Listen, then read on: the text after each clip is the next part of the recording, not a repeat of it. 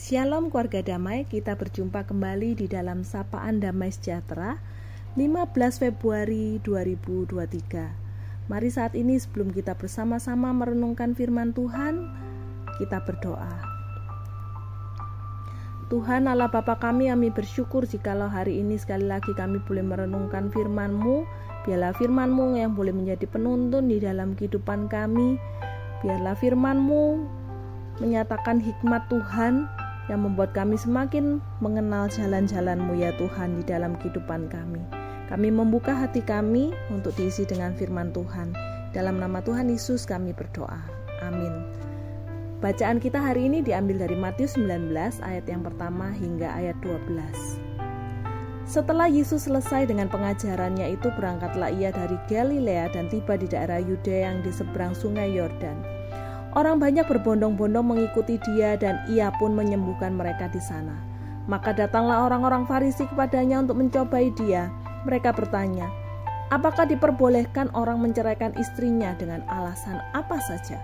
Jawab Yesus, "Tidakkah kamu baca bahwa Ia menciptakan manusia sejak semula menjadikan mereka laki-laki dan perempuan?"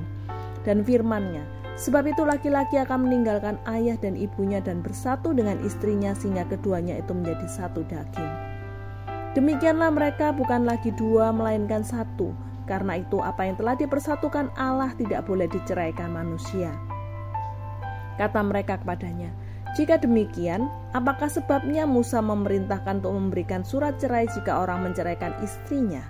Kata Yesus kepada mereka, karena kedegaran hatimu Musa mengizinkan kamu menceraikan istrimu, tetapi sejak semula tidaklah demikian.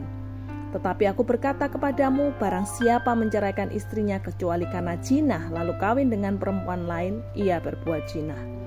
Murid-murid itu berkata padanya, jika demikian halnya hubungan antara suami dan istri, lebih baik jangan kawin. Akan tetapi ia berkata kepada mereka, tidak semua orang dapat mengerti perkataan itu, hanya mereka yang dikaruniai saja.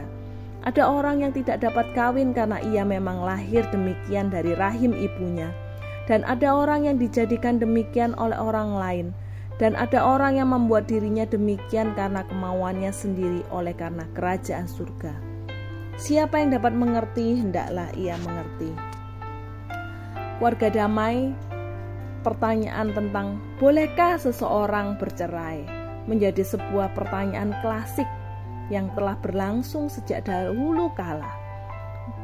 Masalah perceraian adalah sebuah masalah klasik yang bahkan sejak zaman firman Tuhan ini ditulis itu sudah menjadi sebuah masalah di dalam kehidupan manusia.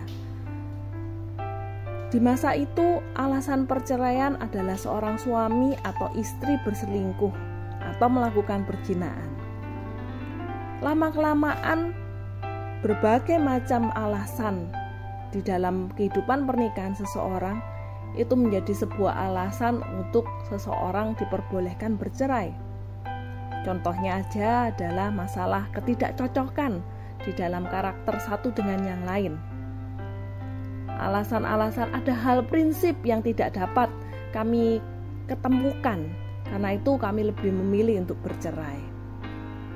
Keluarga damai yang terkasih di dalam Tuhan, ke mana pun Yesus mengajar dan melakukan penyembuhan, dia sering kali diganggu oleh sekelompok orang yang bernama orang Farisi.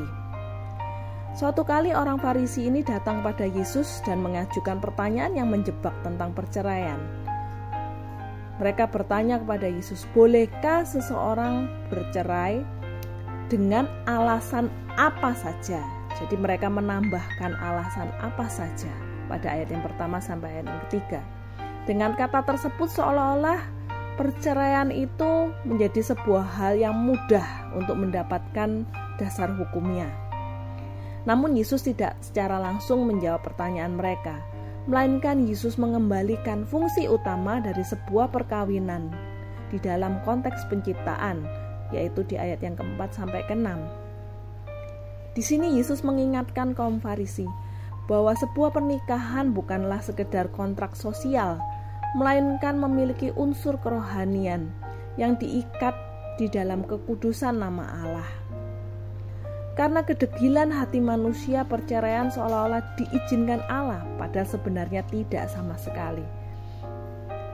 Menanggapi kerumitan di dalam sebuah pernikahan yang lebih aneh lagi, para murid justru menyarankan, "Ya sudah, lebih baik selibat saja, alias tidak perlu menikah daripada ribet di dalam pernikahan." Keluarga damai persoalan seseorang memilih untuk menikah atau tidak menikah bukan hanya sekedar alasan yang mudah atau simpel seperti itu. Hanya karena nggak mau ribet dengan pernikahan maka ya sudah lebih baik mending tidak usah menikah. Banyak faktor sebenarnya yang menjadi sebab musabab ketika seseorang memutuskan untuk menikah atau tidak menikah. Jadi tidak bisa serta-merta melihat satu persoalan yang rumit akhirnya dengan men, dengan mudah menarik sebuah kesimpulan yang dangkal. Di sini kita membutuhkan hikmat Allah untuk dapat memahami semua hal itu. Tujuan Allah menciptakan manusia sepasang bukan untuk sekedar hal-hal yang simpel. Misalnya sekedar ya udah menikah supaya mendapatkan keturunan tetapi Tuhan menginginkan ketika seseorang menikah, dia menemukan seseorang yang menjadi belahan jiwanya, dan melalui pasangannya mereka justru bertumbuh di dalam Tuhan, di dalam kasih, keadilan, dan kebenaran Allah, menjadi keluarga yang kudus dan diperkenan Allah. Seharusnya prinsip inilah yang diterapkan sepenuh hati di dalam sebuah pernikahan. Bukan hanya sekedar mencari-cari perbedaan yang ada sehingga itu menjadi sebuah hal yang menjadi celah seseorang untuk dapat berpikir tentang perceraian. Bagaimana dengan kehidupan Anda saat ini, keluarga damai?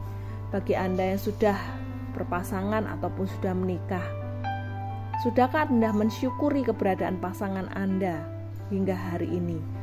Atau justru yang Anda temukan di dalam kehidupan pernikahan Anda adalah terus-menerus perbedaan yang semakin terlihat antara Anda dengan pasangan Anda, dan itu yang membuat Anda menjadi semakin malas untuk terus melanjutkan kehidupan bersama-sama dengan pasangan Anda.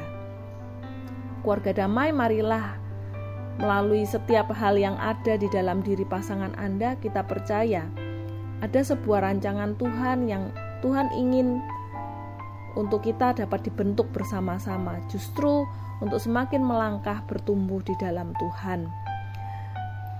Bagi Anda juga yang saat ini mungkin belum menemukan pasangan atau sedang berpikir apakah sebaiknya Anda menikah atau tidak. Marilah terus berdoa dan menemohon tuntunan hikmat yang dari Tuhan. Bukan hanya sekedar dituntun oleh keegoisan diri Anda sendiri. Biarlah Tuhan sendiri yang sungguh boleh menyatakan rancangannya di dalam kehidupan masa depan Anda. Biarlah firman Tuhan boleh terus menuntun kehidupan kita semuanya. Mari kita berdoa. Tuhan Allah Bapa kami, kami bersyukur melalui firman-Mu hari ini. Sekali lagi kami juga diingatkan di dalam kehidupan keluarga kami, khususnya melalui pasangan kami Tuhan, biarlah Tuhan sendiri yang boleh terus semakin hari semakin membentuk kami di dalam kehidupan keluarga kami. Kami boleh semakin bertumbuh, kami justru boleh semakin mencerminkan kasih dan kemuliaan Tuhan di dalam kehidupan keluarga kami. Dan Tuhan juga yang menolong setiap kami yang mungkin kami belum mendapatkan pasangan atau sedang memikirkan masa depan kami. Biarlah hikmat yang dari Tuhan, sungguh itulah yang boleh menuntun setiap kami. Bukan hanya berdasarkan pemikiran kami sendiri ataupun keegoisan diri kami. Terima kasih Tuhan. Biarlah kami sungguh boleh menerapkan firman-Mu di dalam kehidupan kami sehari-hari. Di dalam nama Tuhan Yesus kami berdoa. Amin.